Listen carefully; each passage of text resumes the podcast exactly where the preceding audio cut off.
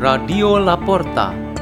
The door is open for you for the growing of knowledge and wisdom of God.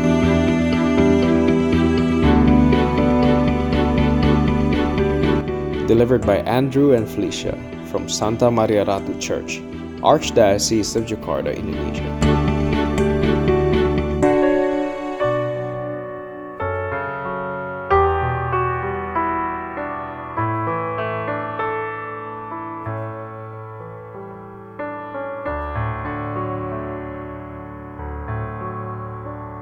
Reading and meditation on the Word of God on Saturday of the 34th week in Ordinary Time, November 26, 2022.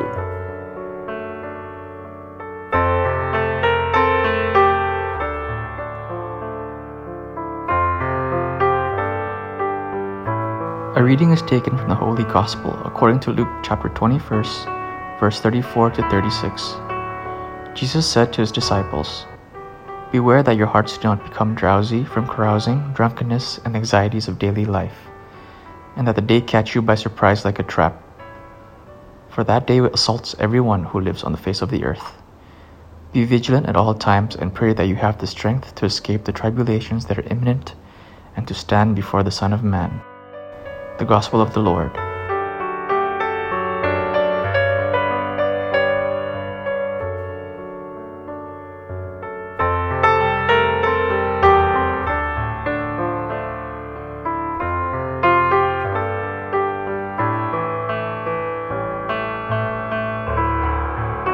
The theme for our meditation today is Strategic Program.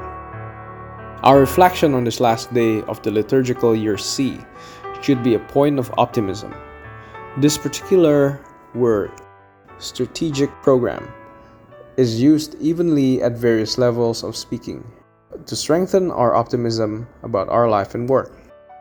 Programs are always manifested in the plan of activities that leads to action, and strategic refers to the best options that a plan wants to achieve. Our spiritual life in this journey of faith on earth really needs a strategic program, something that is very important for our own personal journey, families, church as a religious institution, and other social activities. The most concrete and basic spiritual life in this journey is every personal growth of faith.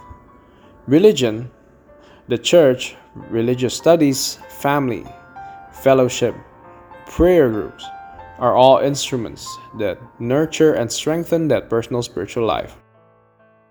The one who will face and submit an accountability of this journey of faith at the moment of the final judgment in the afterlife is each and every person, and not those supporting instruments.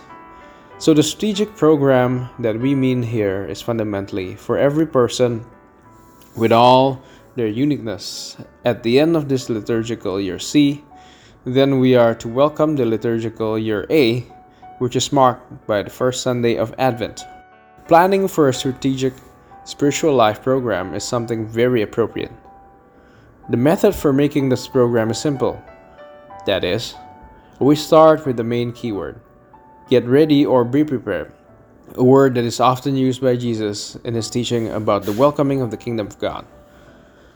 The reason we choose this strategic word in the spirit of preparation is because our awareness needs to be raised up, our forgetfulness needs to be reminded, our laziness needs to be injected with diligence, our ignorance needs to be enlightened, our passivity needs to be covered with sensitivity.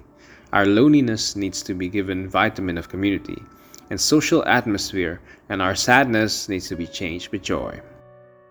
This keyword preparation is important and urgent so that we, as people of faith, can respond quickly to abandon our old style of life, which have been enslaving us and yet we were not aware of. Let us start by getting ready. Then we can proceed this following program by our perseverance in prayer so that we can control ourselves from temptations of the evil one. Then we will be safe in God's presence by our practice of fasting and mortification in order to give our souls an ample space to focus on God, rather than being carried away by worldly lust or deceit. By our obedience wholeheartedly to God, who always sees and loves us, by our sense of wonder and gratitude for all the goodness of God that has bestowed on us. By our purity of heart in praising and rejoicing the Lord, by our sincerity to forgive neighbors 70 times 7 times, by our courage to testify in truth who Jesus is, and by our humility in tirelessly loving others. And let us say to each other, Happy journey of faith. Let us pray. In the name of the Father, and of the Son, and of the Holy Spirit. O most merciful and loving Father, send us your Holy Spirit to help us live always in the spirit of getting ready. Glory be to the Father, and the Son, and the Holy Spirit, as it was in the beginning, it is now, and ever shall be, world without end. In the name of the Father, and the Son, and the Holy Spirit. Amen. Radio La Porta. The door is open for you.